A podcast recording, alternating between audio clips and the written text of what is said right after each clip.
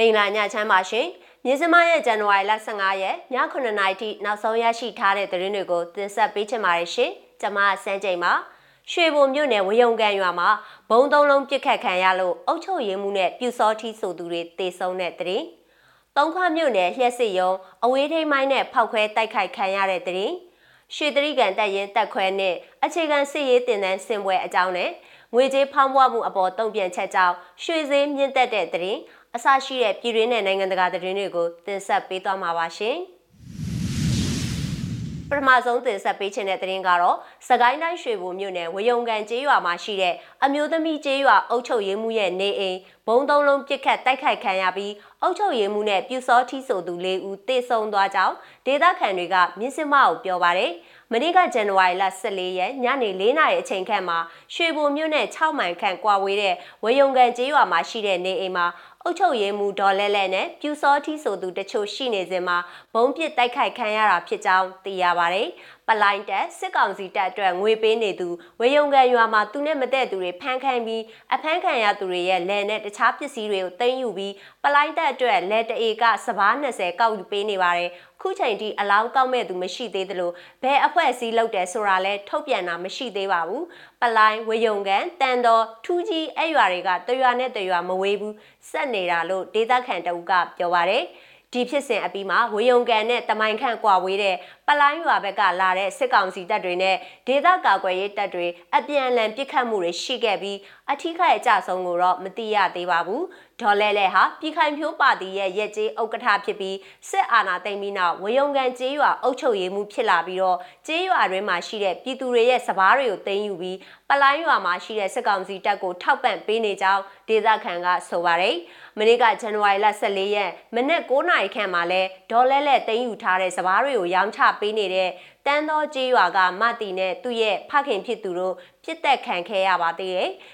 ပြစ်သက်ခံရတဲ့အလောင်းတွေကိုလာကောက်တဲ့စစ်ကောင်စီတပ်ကလည်းအသက်60အရွယ်ထူးကြီးရွာသားဦးမှန်ရောင်ကိုပြစ်သက်သွားကြောင်းဒေသခံတွေကဆိုပါတယ်။စစ်တပ်ကအလောင်းလာကောက်တဲ့အချိန်စက်တိုက်တွေပြစ်တာရမ်းပြစ်တာလားချိန်ပြစ်တာလားတော့မသိဘူးပြည်သူတအူးကတော့ GTB တည်သွားပြီးထူးကြီးရွာသားအသက်60အရွယ်ဦးမှန်ရောင်လို့သိရပါတယ်လို့တခြားဒေသခံတအူးကပြောဆိုပါတယ်လက်ရှိမှာစစ်ကောင်စီတပ်တွေဟာပလိုင်းကျေးရွာမှာတပ်ဆွဲထားပြီးအနီးနားကျေးရွာတွေမှာရှိတဲ့ဒေသခံတွေရဲ့စပားတွေကိုမတရားသိမ်းယူပြီးတော့ကျေးရွာတွေအတွင်းဝင်ရောက်ဖျက်ဆီးမှုတွေပြုလုပ်နေတယ်လို့သိရပါတယ်ရှင်။ သုံးခွမြို့နယ်ကတရင်နဲ့ဆက်ချင်ပါတယ်။ရန်ကုန်တောင်ပိုင်းခရိုင်သုံးခွမြို့နယ်မှာရှိတဲ့မြို့နယ်လျှက်စစ်ရုံဟာမနေ့ကဇန်နဝါရီလ14ရက်ညပိုင်းကအဝေးထိန်မိုင်းနဲ့ဖောက်ခွဲတိုက်ခိုက်ခံခဲ့ရကြောင်းဒေသခံတရင်ရင်းမြစ်ကမြစ်စမကိုပြောပါတယ်။ သုံးခွရဲစခန်းနဲ့အထွေထွေအုပ်ချုပ်ရေးမှူးရုံးအနီးမှာရှိတဲ့မြို့နယ်လျှက်စစ်ရုံကိုဒေသကာကွယ်ရေးတပ်ဖွဲ့ဖြစ်တဲ့သုံးခွ Youth Force TYF ကဖောက်ခွဲတိုက်ခိုက်ခဲ့တာဖြစ်ပါတယ်။မနေ့ကည9နာရီမိနစ်20လောက်မှာကျွန်တော်တို့အဖွဲ့ကအဝေးထိန်းမိုင်းနဲ့ဖောက်ခွဲတိုက်ခိုက်လိုက်တာပါ ထွေအုပ်နဲ့ EPC ပေါင်းပြီးတော့နောက်ဆုံးရက်မီတာမဆောင်ရင်မီးလိုက်ဖြတ်မယ်ဆိုပြီးလိုက်ပြောတယ်ပြည်သူအချင်းချင်းချင်းချောက်တဲ့အဆင့်ထိရောက်နေလို့ဖောက်ခွဲလိုက်တာပါဆက်ပြီးချင်းချောက်နေမယ်ဆိုလဲဒီထက်ပိုဆိုတဲ့တိုက်ခိုက်မှုတွေလုပ်ရပါလိမ့်မယ်လို့သုံးခွ Youth Force TYF ကတာဝန်ရှိသူကပြောပါတယ် အဝေးထိန်းမိုင်းနဲ့တိုက်ခိုက်မှုကြောင့်လျှက်စစ်ရုံအတွင်းမှာရှိတဲ့ဝန်ထမ်းအိမ်တစ်ခုခေါင်မိုးတွေပွင့်ထွက်ပျက်စီးသွားခဲ့ပြီးဖောက်ခွဲမှုကြောင့်သုံးခွမြို့အတွင်းမှာရှိတဲ့နေအိမ်တွေပါတုံခါမှုရှိခဲ့ပြီးတော့လူအထိခိုက်မရှိခဲ့ကြောင်းသိရပါတယ်။ 9ရက်နေ့ကလေးကမိသားမဆောင်တဲ့အိမ်တွေထွေအုပ်ယုံလာဖို့စင့်ခေါ်စာတွေလိုက်ဝင်နေတာမိသားမဆောင်ရင်မိဖြတ်မယ်ဆိုပြီးချိန်ချောက်လို့ပြေးဆောင်ကြသူတွေလည်းရှိတယ်ဖြတ်ချင်ဖြတ်မဆောင်ဘူးဆိုတဲ့သူတွေလည်းရှိတယ်မိသားဆောင်တဲ့သူတွေလည်းမိပြတ်ရင်မိမလာပါဘူးခရီးလန်းကကြမ်းမယ်အခုတိအတူတူတောင့်ခံထားတာကိုပဲဂုံယူနေပါပြီဆက်ပြီးအတူတူတောင့်ခံထားကြပါလို့ပြောချင်တယ်လို့သုံးခွဒေတာခန်တဦးကပြောပါတယ်လက်ရှိချိန်မှာသုံးခွမြို့နယ်လျှက်စစ်ရုံးကမိသားလာရောက်ပေးဆောင်ဖို့ဖိအားပေးချန်ချောက်မှုတွေပြုလုပ်ပြီးတော့မိသားမဆောင်တဲ့မြို့ပေါ်ရက်ွက်အများစုကနေအိမ်တွေနဲ့ရွာတွေအထိပါမီးလိုက်လံဖျက်တောက်မှုတွေပြုလုပ်နေကြောင်းဒေသခံတွေစီကသိရပါတယ်ရှင်။ရွှေတရိကန်တက်ရင်တက်ခွဲနဲ့အခြေခံစည်ရေးတင်တန်းစင်ပွဲအကြောင်းကိုလည်းတင်ဆက်ပေးချင်ပါတယ်။ကနီရင်းမပင်နဲ့တခြားဒေသတွေမှာလှုပ်ရှားဆောင်ရွက်လျက်ရှိတဲ့ရွှေတရိကန်တက်ရင်တက်ခွဲနဲ့အခြေခံစည်ရေးတင်တန်းအပတ်စဉ်နဲ့တင်တန်းစင်ပွဲကိုဒီကနေ့ဇန်နဝါရီလ15ရက်မှာကျင်းပပြုလုပ်ခဲ့ပါတယ်။ ရုပ်သံဖိုင်ကိုဖွင့်ပြချင်ပါတယ်ရှင်။